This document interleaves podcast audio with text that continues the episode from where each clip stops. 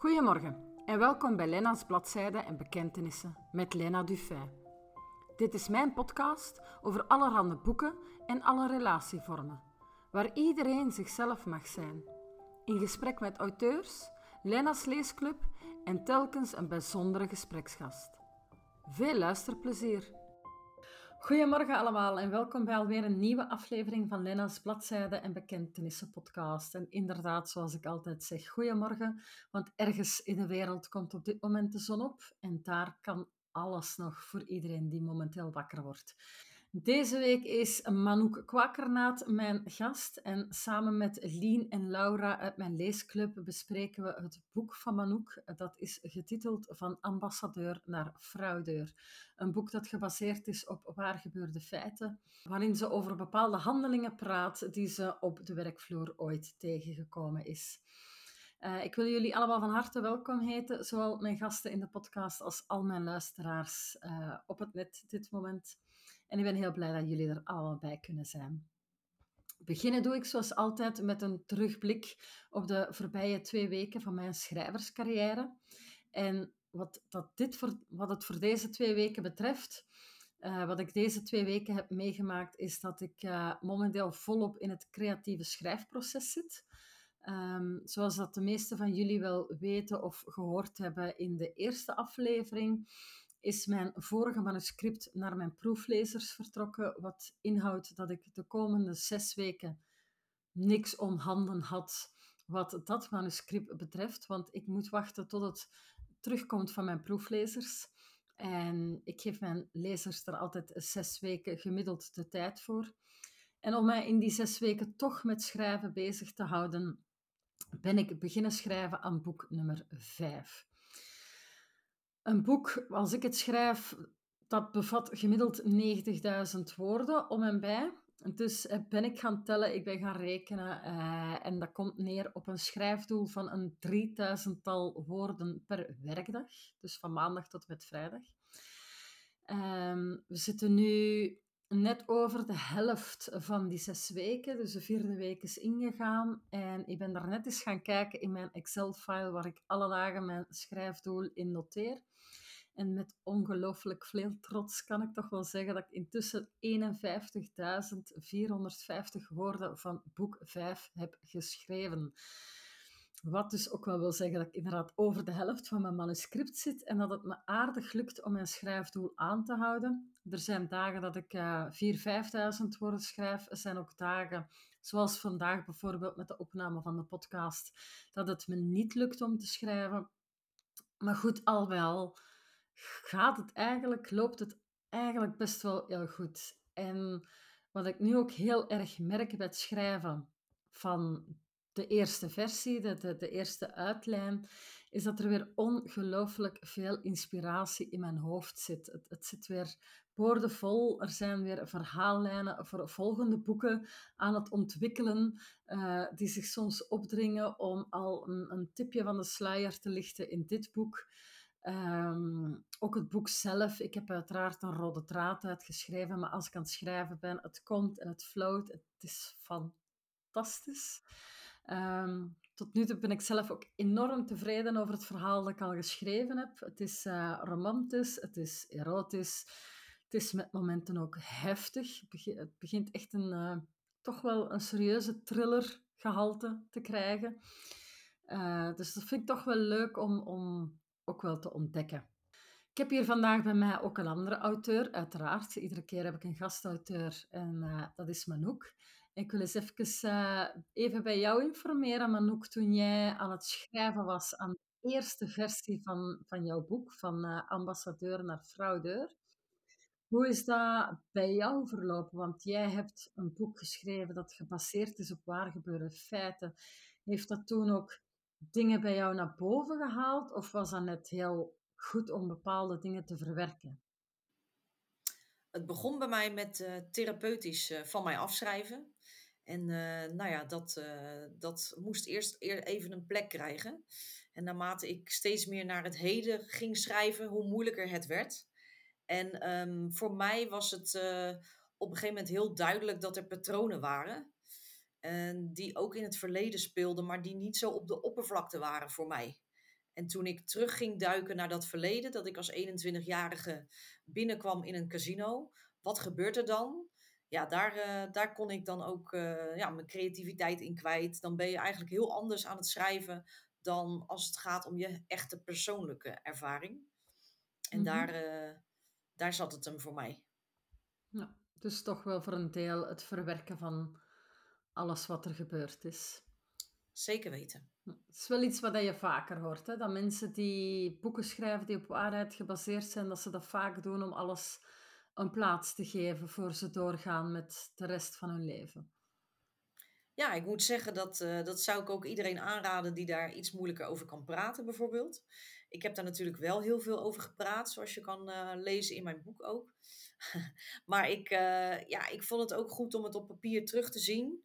En tuurlijk vloeien dan soms wat tranen, maar dat mag er dan ook zijn. Maar dan is het ook ja. van je af. Ja, een goede manier om alles te verwerken. En daarom hoeft het misschien niet altijd voor iedereen uitgegeven te worden, maar daar komt het principe van een dagboek misschien om de hoek kijken. Dat het een handig iets kan zijn om dingen te plaatsen.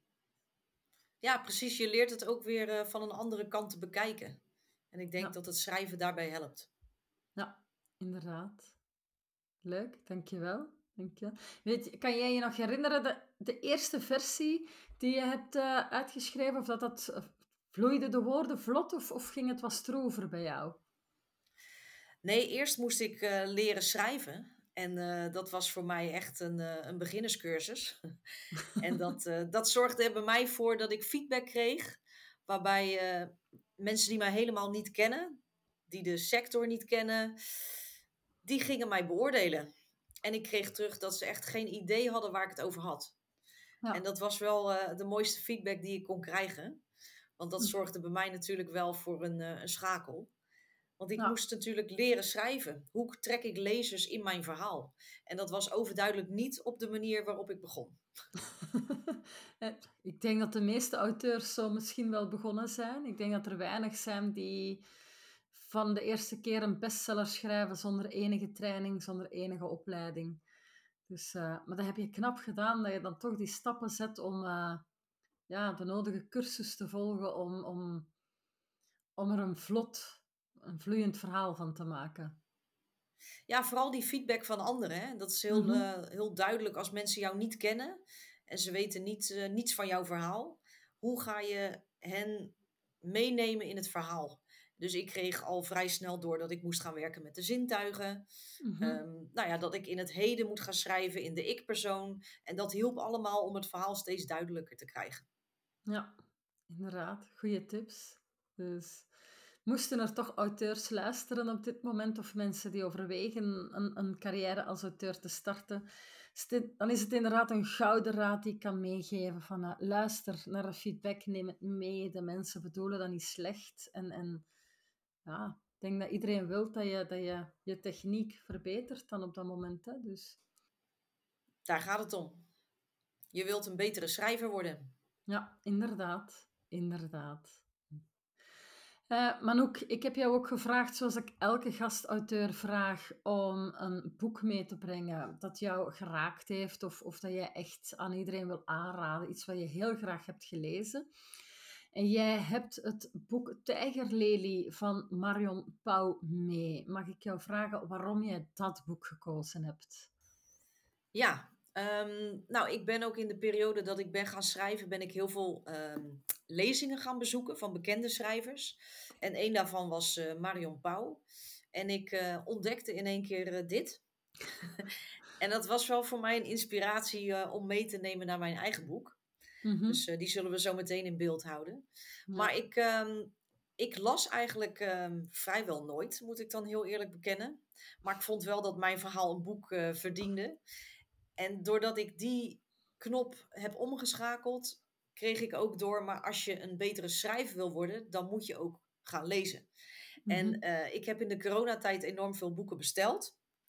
En ik ben uh, heel veel gaan lezen. Eén daarvan uh, is dus deze geweest. En dat is weer eens wat anders, want ik heb heel veel boeken gelezen die gerelateerd konden worden aan mijn eigen boek. Waardoor ik beter doorkreeg um, over onderhandelen waarom vrouwen minder verdienen dan mannen. en nog zo'n boek, um, Narcisme in organisaties. En dat hielp mij ook om de dingen beter te begrijpen waar ik over schreef. Maar dit was nou echt een boek ter ontspanning, dus een thriller. Mhm. En dat, uh, dat zorgde dan ook voor uh, ja, dat je ook leert hoe een, hoe een schrijver dan te werk gaat. Dus ik heb ook enorm veel aan haar lezing gehad toen. Ja, inderdaad. ik ga even meegeven voor de luisteraars, want die zien natuurlijk niet wat je in beeld houdt. Maar de zijkant van het boek van Marion Pauw, uh, Tijgerlelie, heeft ja, alsof ja, de huid van een tijger precies op de zijkant geprint, waardoor er niet alleen een mooie cover is, maar ook de zijkant uh, mee in het verhaal getrokken wordt. De, de, de, de zijkant van de bladen, rondom rond. Dus uh, dat is inderdaad iets waar we zo meteen nog op terugkomen bij uh, Manouk haar boek. Uh, dus ja. Ehm, zijn er bepaalde dingen, bepaalde zaken in het boek van Marion Pauw waar jij dingen uit geleerd hebt of waar je dingen uit kan leren? Ja, ik vond het heel interessant om te horen dat zij haar Expeditie Robinson-avontuur heeft gebruikt om dit uh, boek uh, uiteindelijk te schrijven. En het gaat met name om dat groepsproces waar zij onderdeel van is geweest. En zij vond het heel boeiend om achteraf te onderzoeken waarom zij buiten de groep viel. En daar heeft ze dus iets mee gedaan. En dat was voor mij ook heel spannend eigenlijk om te lezen, omdat ik dat enigszins ook in mijn rol, in mijn boek, uh, terugkreeg. Dat ik uh, nou, best wel een eenling werd en je kan je heel eenzaam voelen, ondanks dat je eigenlijk in een groep staat. En mhm. dat, uh, dat vond ik heel boeiend hoe ze dat ook uh, omschreef. Mm Ja, inderdaad, inderdaad. Dus zij heeft dus ze heeft meegedaan met Expeditie Robinson. En Klopt de gebeurtenissen die ze daarin heeft meegemaakt, heeft ze dan verwerkt in een, in een fictief verhaal, in een thriller. Precies. En daar ze is ook eigenlijk uh, na haar uh, exit bij Expeditie Robinson, want ze is er vrij snel uitgegaan. En waarom was zij dan degene die buiten de boot viel? Uh, mm -hmm. Daar is ze ook heel veel onderzoek naar gaan doen met, met psychologen en met mensen gaan praten die heel veel haar hebben kunnen meegeven hoe die dynamiek gaat in zo'n groep. Ja, oké. Boeiend. Het is heel boeiend. Ja, is heel boeiend. Inderdaad. Zijn er uh, redenen waarom jij vindt dat luisteraars het boek moeten lezen? Ja, ik denk dat, um, dat er tegenwoordig heel veel bestaat omtrent pestgedrag. Dan heb je het ook over online pestgedrag maar mhm. nog steeds in de volwassen wereld, in de kinderwereld, op het werk. En um, ik denk dat het heel belangrijk is om in te zien wat het met een mens doet. Ja. En ja, daar blijf ik bij. Uh, dat is dan goed om te lezen, maar ook je bewust te worden van dat spel wat er dan gaande is. Werk je daaraan mee of doe je je mond open? Ja, inderdaad. Dus uh, het boek Tijgerlelie van uh, Marion Pauw. Ik denk dat ze toch intussen wel een, een, een vrij bekende auteur is, zeker in Nederland. Absoluut. Um, zeker de moeite waard als je... Het is een thriller, hè? Het is een thriller. Een aantal ja. boeken van haar zijn in het verleden ook verfilmd. Ja. En uh, dus, uh, dit is een van haar ja, meest recente werken. Ja, dus voor de luisteraars die graag thrillers lezen, Marion Pauw, Tijgerlelie, absolute aanrader door Manouk Kwakernaat. Um, zijn er naast Marion Pauw nog auteurs waar je naar opkijkt? Waar je, ja, van de boeken die dat je dan bent beginnen lezen sinds de corona-lockdown? Ja, ik vind het uh, heel leuk om um, uiteindelijk ook boeken te kopen bij, bij de lezingen van de bekende auteurs. En om mm -hmm. daar ook mijn vragen te stellen. Uh, dus ik laat ook altijd aan, de, aan het begin van het boek een persoonlijke noot schrijven door de auteur. Dus ik heb daar dan leuke herinneringen aan als ik het ja. boek ga beginnen lezen. En een van die uh, schrijvers is Adriaan van Dis. En het is misschien wel leuk om te vertellen dat ik een keer een lezing heb bezocht van hem. En dat ik uh, graag wilde weten hoe ik mijn sarcasme, wat ik best wel in me heb door mijn Rotterdamse roots, hoe ik dat los kon laten. En uh, toen was zijn advies, dat moet je niet loslaten. Dat is heel uniek dat je dat hebt. Dus hou dat alsjeblieft vast. Want dat is een verademing als je zo kan schrijven. Ja. En dat was eigenlijk de beste tip die ik uh, van zo'n uh, bekend auteur kon krijgen. Dus ik heb hem ook uh, na afloop gemaild toen mijn boek uit was. En ik heb hem meegegeven dat het juist dat is waar de mensen op aanhaken bij het kopen van mijn boek. En dat, uh, dat vond hij leuk om te lezen. Maar heerlijk om zo'n tips te krijgen ook, hè? ja, super, hè? Ja, Marjan Berg is er ook zo één. Is natuurlijk ook een, eh, een dame op leeftijd, inmiddels 91. Mhm. Vorig jaar pas gestopt met de, de columns die zij schreef in een krant. Maar uh, nog steeds actief als schrijfster. Ja. En dat is, uh, dat is heel leuk. Ik heb uh, een gesprekje met haar gevoerd over de mannencultuur, waar zij ook heel veel over schrijft. En daar hadden wij natuurlijk een klik. Ja. ja, dat zal wel zijn met het boek dat je zelf geschreven hebt. yes. yes. Oké. Okay. ja, ik moet jou nu niet vragen hoe lang je al schrijft, want je, bent, je hebt je debuutroman, of ja, je debuut eigenlijk net uit, sinds 2 oktober. Um, En je bent beginnen schrijven in de coronaperiode. Ja, de tijd dat ik, uh, dat ik thuis zat, de tijd dat uh, uh, de periode die, die voor mij heel naar was, dat ik die kon afsluiten. En pas na die afsluiting vond ik ook de rust om te schrijven. Mm -hmm. Dus dat is ja, al wat langer geleden inmiddels. Maar ik, ja, ik heb het wel zo ervaren dat ik de rust nodig had om het uit mijn pen te laten vloeien, laat ik het zo zeggen. Ja. En uh, dat kon eigenlijk niet voordat ik uh, uh, gestopt was. Ja. ja. En had je een bepaald doel om dit boek te schrijven? Ja, ik had wel een doel. Want ik vond dat ik mijn kant van het verhaal moest vertellen. want die kende niemand. En aan de andere kant vond ik ook dat wat mij is overkomen, dat dat de volgende generatie niet mag gebeuren. Dus dat was voor mij ook een uh, heel duidelijk doel. Dat is ook de reden waarom ik uh, het eerste exemplaar aan mijn nichtje van net vijf jaar heb gegeven. Dat had een symbolische betekenis. Ja. Ja, en ik vind nog steeds dat uh, het werken in een angstcultuur, want daar hebben we het over in mijn boek, en de verwoestende invloed dat dat heeft op je gezondheid, dat dat echt wel onder de aandacht mag komen. Want er wordt tegenwoordig eigenlijk alleen maar gekeken naar die werknemer die zijn grenzen aan moet geven, die aan zichzelf mag werken in allerlei therapiesessies. Maar er wordt eigenlijk niet meer gekeken naar de werkgever die op, tot op de dag van vandaag dat gedrag kan vertonen. Mhm. En dat vind ik heel schrijnend. Ja. Dus dat is ook de reden. Ja, dan heb je het niet specifiek op een, op een uh, werkgever in een bepaalde sector. Want ik denk dat we ervan overtuigd zijn dat er uh, een angstcultuur leeft in diverse sectoren waar het in andere sectoren al uh, door middel van vakbonden en dergelijke enorm verbeterd is. Maar ja. En dan nog? Anno 2023 heerst het spijtig genoeg nog altijd. Ja, waar, uh, waar mensen aan de macht komen, daar, uh, daar, daar is iets mee. Hè? Die mensen hebben een iets minder empathisch vermogen. Dat neemt allemaal af, laten we het zo zeggen. En ehm, ja, ik snap dat dat een logisch gevolg is, maar daar mag uh, ook wel het een en ander over gezegd worden als je mensen kapot aan het maken bent. Ja.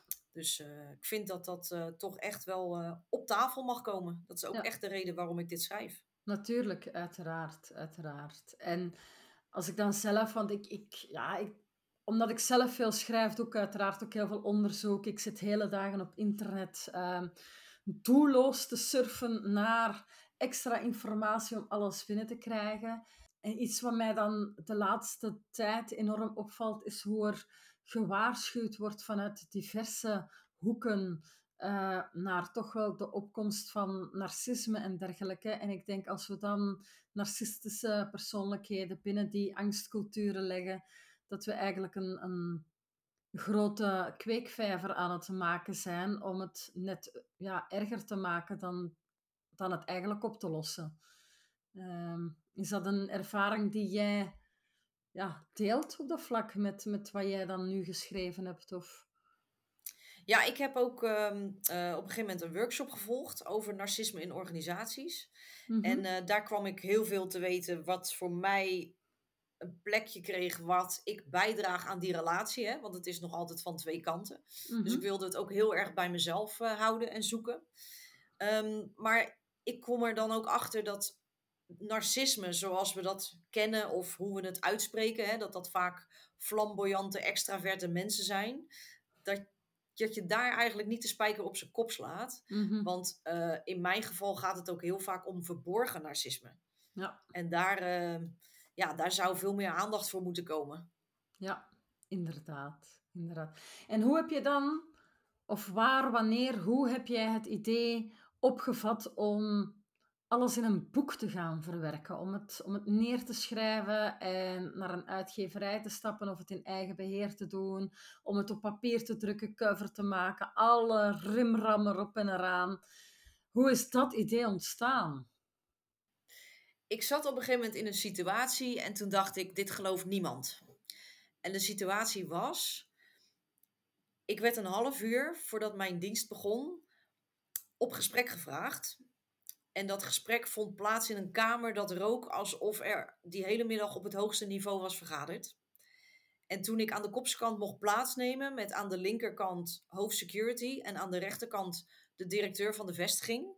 En mij werd gezegd, je zit nu in een waarheidsgetrouw onderzoek naar jezelf en je mag tien vragen met ja of nee beantwoorden. Toen dacht ik, dit is een boek. Want dit gelooft niemand.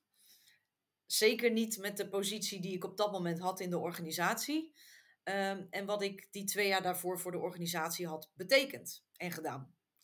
Dus ik, eh, ik zag daar ergens het licht. En ik wist nog niet hoe.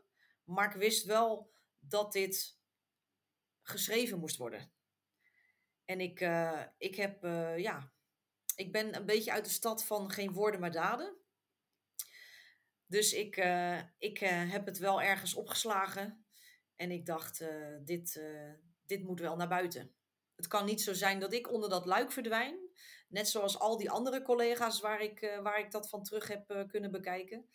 En, en dat was het dan met mij na meer dan 17 jaar. Dat, dat kan niet de bedoeling zijn. Mhm. Ja. Ja. Dus dat is het moment geweest dat jouw lichtje aanging en zei van dit moet een bestseller worden. Ja, dat was wel ongeveer eh, hoe ik het had bedacht. En tuurlijk is dan het onderzoek nog niet, eh, heeft het onderzoek nog niet plaatsgevonden hoe ik dat boek dan zou gaan schrijven. Want wat ik zeg, ik moest eerst maar eens even leren schrijven, want dat is echt een vak. En dat, Mhm. eh, dat heb ik dan ook bloedserieus genomen. Ja, Ja, tuurlijk.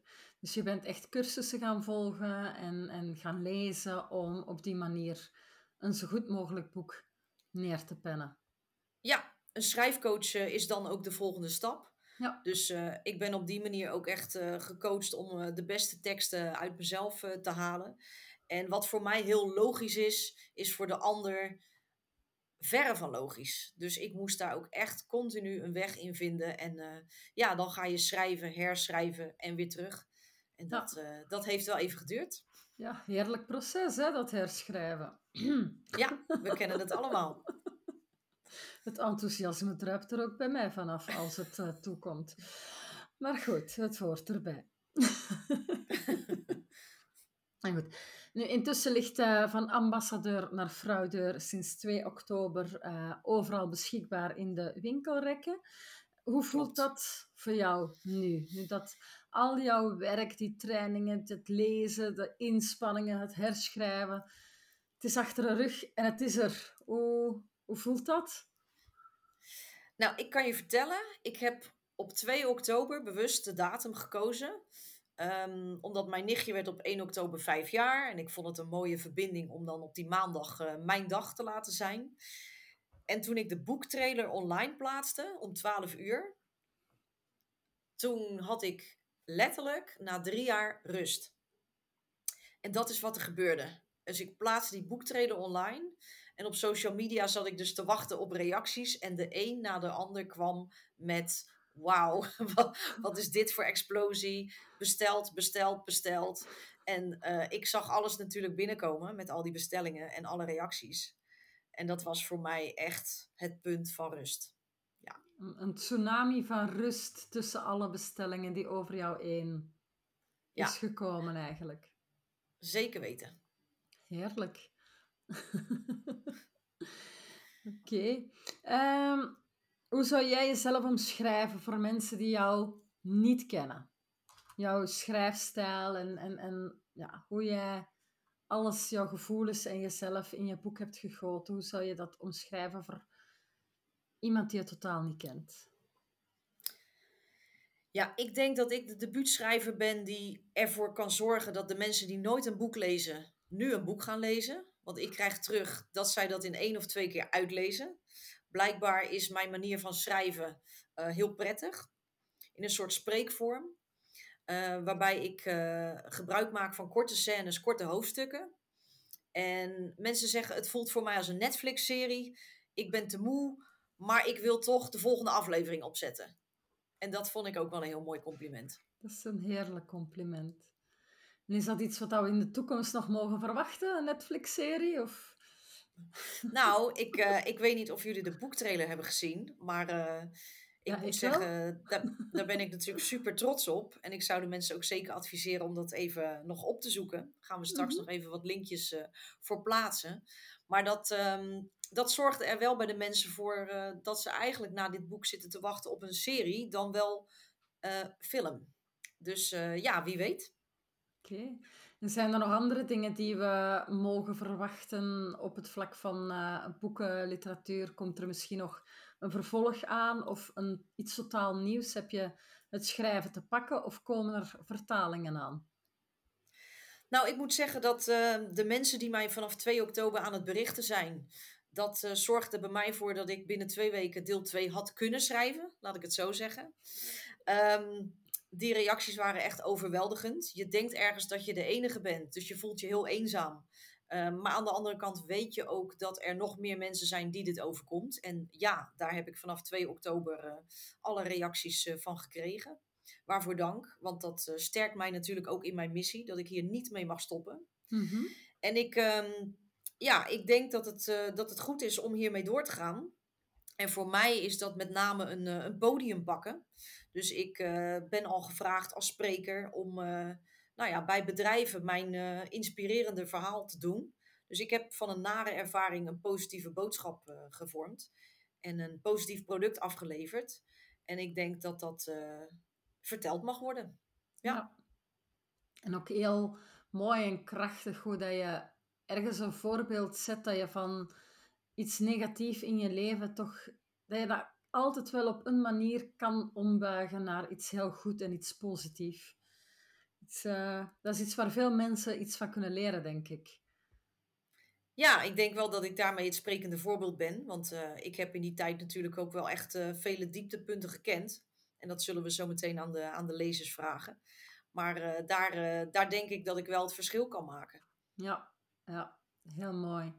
Um, als je er uh, over x aantal jaren, en je bent nog jong, dus laten we het over 60, 70 jaar zetten. Als je er dan niet meer bent, hoe zou jij willen dat lezers en mensen en Nederlanders jou, en Vlamingen ook uiteraard, hoe de mensen jou herinneren? Als iemand die een beweging in, op gang heeft gebracht. Als het gaat om het werken in een angstcultuur en wat daar allemaal bij komt kijken. En dat daar uh, het gesprek over gevoerd mag worden. En ik weet niet of ik het de hele wereld uit kan krijgen. Dat is uh, een utopie. Voor mij is het belangrijk dat het bespreekbaar wordt. Dus als je zelf een probleem hebt en je durft het niet aan te kaarten, neem mijn boek dan als voorbeeld. En dat ja. uh, wil ik heel erg meegeven dat ik in ieder geval een voorvechter ben geweest. En ook al ben ik dan nu een beetje een pionier in mijn vak. Dat ik in ieder geval het idee heb gegeven dat er over gesproken mag worden.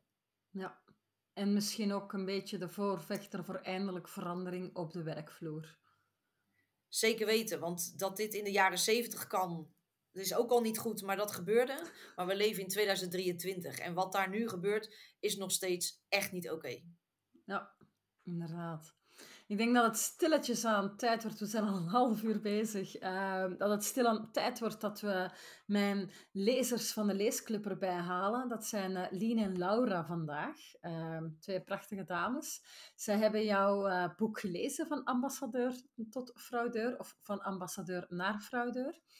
Ehm, en ik wil eens informeren, Lien, wat vond jij van het boek? Uh, ja, ik heb wel genoten. Maar wel heftig, een heftig verhaal als je nog helemaal niks kent van de wereld in een casino en dan zulke dingen leest, uh, dat dat effectief waarschijnlijk nog veel te vaak gebeurt. Uh, ja, dat kwam wel binnen. Maar ja, het was wel een leuk en informatief, um, leerrijk verhaal. Ja. ja, en jij Laura, wat vond jij ervan? Ja, ik um, vond het een heel boeiend verhaal. Ik um, was ook al meteen enthousiast om het te lezen, puur door de cover, want daar is nog niet heel veel over verteld. Maar um, die was wel echt heel leuk. Met zo de, ja, de zijkant was precies een dek kaarten. En dan ja, aan de voorkant, um, ook, dat heeft ook te maken met de eerste zin van het boek, namelijk Ladies and Gentlemen, we got her. De grootste fraudeur van het casino is gepakt. En dan wil je echt gewoon verder lezen om te weten wat er gebeurt. En ook ja, de achterkant met de backstabbing, dat, dat was echt... Allee, in het begin weet je nog niet wat er gaat gebeuren. Dus eens dat je aan het lezen bent, dan begint je ook de achterkant te snappen. En, en ja, dat is wel vrij heftig. En ook leuk dat, dat, met, dat er met QR-codes gewerkt wordt om bepaalde elementen te verduidelijken. Want ja, als je niet in een casino-wereld werkt en er wordt iets verteld zoals Zero-spel of andere spellen binnen het casino, is dat wel leuk om toch een beetje te weten waar het over gaat. Al moet ik ook zeggen dat die QR-codes soms een beetje irritant waren. Aangezien dat ik normaal gezien een boek lees als ontspanning en mijn gsm aan de kant leg en, daar niets meer mee wil doen. Maar nu moest ik continu die terug boven halen om toch te weten van, ah ja, maar hoe zit dat dan? Maar ja, het is zo'n beetje een, een, tweedelig element, maar het maakt het wel, wel heel leuk om, om toch een beetje meer in het verhaal te zitten en, en meer te snappen. Maar ja, hoe verder dan je gaat in het verhaal, hoe, hoe aangrijpender het wordt. En, en hoe meer dat je zoiets hebt van, ik heb toch heel veel geluk dat ik in een deftige werkomgeving zit en dat ik niet al die dingen moet meemaken die Manouk heeft meegemaakt. Maar uh, al bij al was het wel echt een heel goed boek. En ik heb er ook in, denk ook twee dagen, maar echt wel willen doorlezen om te weten wat er nu gebeurt en waar die hele beginproloog over, over gaat. Um, maar echt wel de moeite om het te lezen. En ook gewoon omdat je in een wereld terechtkomt die je zelf niet kent. En, en ja, dat maakt het wel echt de moeite om te lezen. Dankjewel. Lien, uh, kan jij even meedelen wat jij het sterkste uit heel het boek vond? Uh, ja, uh, wat je daarnet al aangehaald is, dat, um, ja, ik ging het verhoor noemen, maar dat is het niet echt dat ze alleen maar met ja en nee mocht antwoorden. Ik vond dat wel um, een straf hoofdstuk. Omdat daar uh, kwam voor mij echt het heftige naar boven. Van je hebt daar eigenlijk niks te zeggen. Al werkt je daar, al heb je daar de benen van je lijf gelopen, heb je daar alles voor gedaan, heb je eigenlijk nog niks om op te staan. Um, dat ze dat zomaar allemaal van tafel kunnen vegen en niet appreciëren wat dat je doet, dat kwam wel binnen. Ja, dat, dat vond ik het. Uh, allee, de eerste scène, uh, scène dat wel echt bijgebleven is. En uh, ja, voor jou, Laura, wat heeft jou in het boek het meeste ontroerd? Dat je heel hard merkt uh, dat ook heel diep heeft gezeten.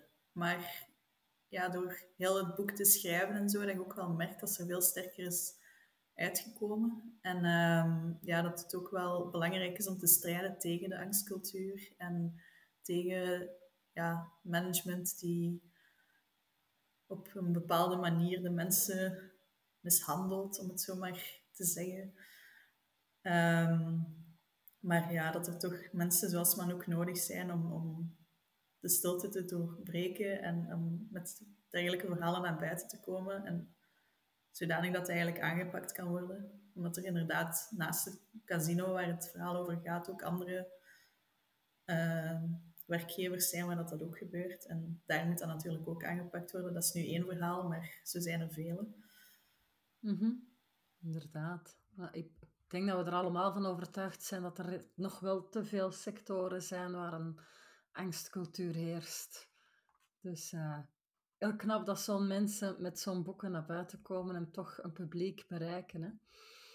Lien, zou jij met één zin of met een aantal woorden kunnen vertellen waarom luisteraars dit boek zeker moeten lezen? Spanning, een nieuwe wereld en mentaal welzijn op de werkvloer. Ja, krachtig. Dankjewel. Ik wil jullie ook echt enorm bedanken om uh, weer een boek van een van de auteurs te lezen. Uh, ik vind dat jullie dat echt wel leuk en fantastisch doen. Het is heel fijn om een leesclub te hebben. Dus uh, bedankt om erbij te zijn. Manouk, is er nog iets dat niet gezegd is, dat je zeker nog wil vertellen over jouw boek? Ik denk dat het leuk is om te vertellen dat ik elke scène met een speelkaart open. En dat mensen op een gegeven moment de chronologische volgorde mogen gaan ontdekken in die speelkaarten. Dus uh, het enige wat ik erover verklap is dat er ook echt 52 scènes geschreven zijn. En dan is het natuurlijk leuk om te zien of mensen dat uh, gaan ontdekken. Oké, dankjewel. We gaan stilaan afronden. Uh, bedankt allemaal om erbij te zijn. Manouk, waar kunnen lezers jou online overal vinden en waar kunnen ze jouw boek vinden? Ja, nou, mijn boek ligt sowieso in alle boekwinkels. Je kan ook naar mijn website gaan, www.manoukevents.nl. En Manouk is met O-U-C-K. En mijn boektrailer is ook te vinden op mijn website. Dus uh, neem vooral een kijkje onder het kopje schrijfster. Dan ga je dat zeker terugvinden. En uh, ik zou zeggen, ja, um, schaf hem aan nu het nog kan. Want uh, wie weet is het daadwerkelijk over een tijdje landelijk nieuws en is die overal uitverkocht. Dus, en ga je dan voor een herdruk? Of...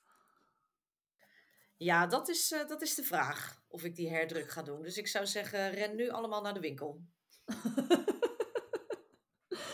Oké, dus voor iedereen die absoluut zeker het boek wil hebben, um, ren inderdaad naar de winkel. Uh, koop hem aan bij uh, www.manoukevents.nl. Uh, ook in de e-pub trouwens. Ik heb ook een e-pub. Ja. ja, dus in e-book is hij ook beschikbaar. Staat hij op Kobo en Kobo Plus? Volgens mij wel. Oké. Uh, Lien knikt heel erg ja, dus hij staat in Kobo Plus. ook altijd, is ook altijd... Uh, ja, inderdaad, beschikbaar. Ja, dus uh, ook altijd belangrijk om te weten voor de, voor de Kobo-lezers met een Kobo Plus abonnement. En uiteraard is er één van de luisteraars die het boek kan winnen. Dus als jij heel graag het boek van ambassadeur naar fraudeur van Manouk Kwakernaat wil winnen, dan kan dat heel simpel door gewoon jouw naam in te vullen onder mijn Instagram post van vandaag. Dat vind je terug op het Instagram-account LBB Podcast of onder het Facebookbericht op de Facebookpagina Lenna's Bladzijde en Bekentenissen podcast. Daar staat ook een uh, post van vandaag met het boek van Manouk, de cover. Uh, dus dat kan je niet missen. Zet daar je naam onder. En uh, de volgende aflevering kom je dan te weten of dat je het boek al dan niet gewonnen hebt. Ben je niet bij de gelukkige, haast je dan inderdaad om het boek aan te kopen. en mee die mooie, warme, nodige boodschap van Manouk mee te verspreiden. Um, Manouk, Lien, Laura, enorm hard bedankt. Uh, en aan alle luisteraars heel hard bedankt. En tot de volgende aflevering.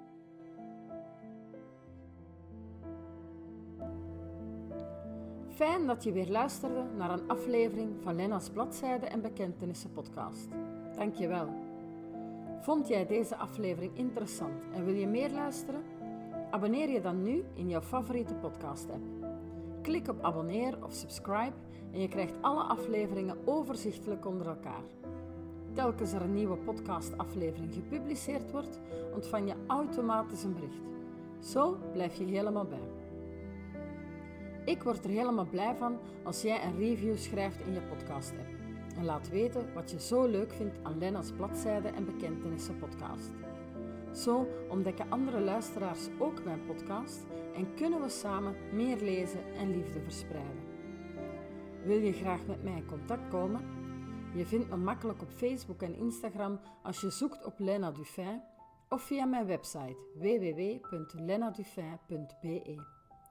Ken je nog mensen die Lena's bladzijden en bekentenissen leuk zouden vinden? Deel deze aflevering dan met hen via je sociale media of stuur hen een link via mail of een berichtje.